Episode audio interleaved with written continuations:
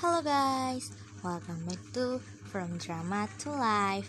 Jadi hari ini gue pengen bikin sekedar review drama yang benar-benar menurut gue tuh relate banget sama mungkin di kehidupan kita yang sehari-hari kayak gini nih yang sekarang lagi masa-masanya pandemi covid ya. Jadi kita terbatas tapi tidak menghalangi sangat semangat kita untuk menjadi pemuda-pemuda bangsa yang energik gitu loh.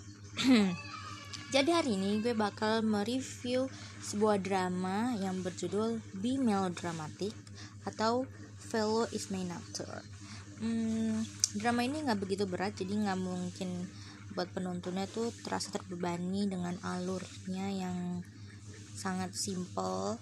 Dan di sini tuh bercerita tentang tiga orang sahabat ya tiga orang sahabat. Di sini mereka teman kampus tapi pada akhirnya mereka mempunyai mimpi-mimpi yang berbeda.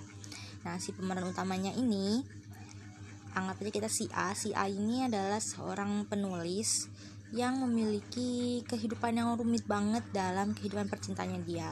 Tapi di sini fokus bukan ke hanya kehidupan percintaannya tapi fokus ke kerjanya juga karena dia seorang penulis baru yang baru melamar sebagai asisten penulis dan dia tuh uh, butuh semangat semangat dari orang-orang luar yang mampu bikin dia uh, membuat dia tuh bisa menulis naskah drama gitu. Yang kedua ada sahabatnya si A. Ini kita uh, kita anggapnya si B ya. Si B ini adalah seorang tim produksi dari sebuah drama atau iklan atau ibaratnya yang adanya di balik layar drama lah gitu. Nah dia ini baru diangkat sebagai tim uh, ketua tim produksi.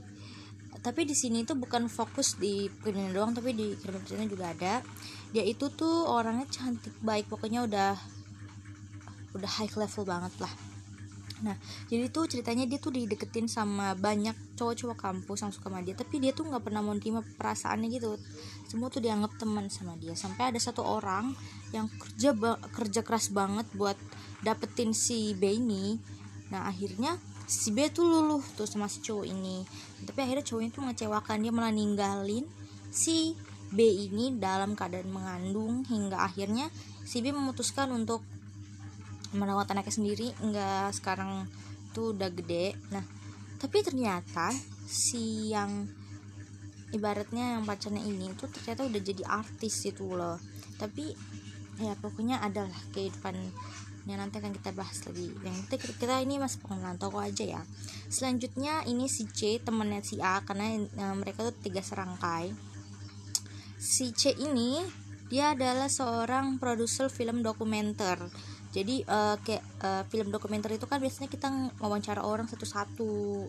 Kita bukan apa film yang ada naskahnya tapi ini film benar-benar dokumenter yang bisa biasanya tuh isinya wawancara wawancara orang atau anggapan opini-opini orang dari luar itu tentang tentang suatu hal tuh gimana.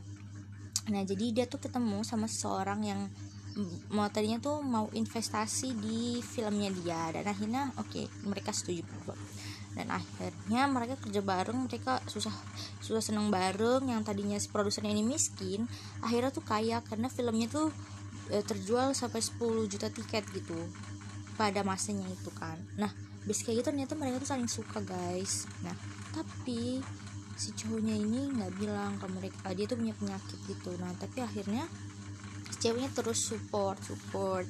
Sampai akhirnya si cowoknya meninggal di pelukannya si cewek. Nah tapi karena trauma yang sangat dalam nih ya traumanya tuh bener-bener dalam jadi si ceweknya tuh bener-bener nggak bisa ngelupain si cowoknya ini. Jadi dianggap tuh dalam kehidupan sehari-harinya tuh masih ada masih dalam berupa hayalan. Jadi akhirnya itu nggak bisa terlepas hingga hingga saat ini gitu.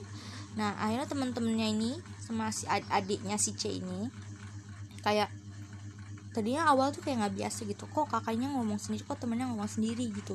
Padahal di pikiran si C ini dia tuh masih mau pacarnya gitu. Nah jadi akhirnya si teman-temannya dan adanya ini kayak udah pasrah oh oke. Okay. berarti kakak gue masih dalam tahap yang sedih. Jadi kita harus bisa maklumin aja jadi mereka tuh udah mulai terbiasa kalau emang si C ini udah terlalu apa namanya masih uh, nganggep kalau mantan pacar masih ada. Oke segini dulu uh, selanjutnya tentang toko-toko yang lebih banyak lagi nggak lama lagi bakal gue publish dan gue bakal search tentang biodata biodatanya oke okay. see you next time bye bye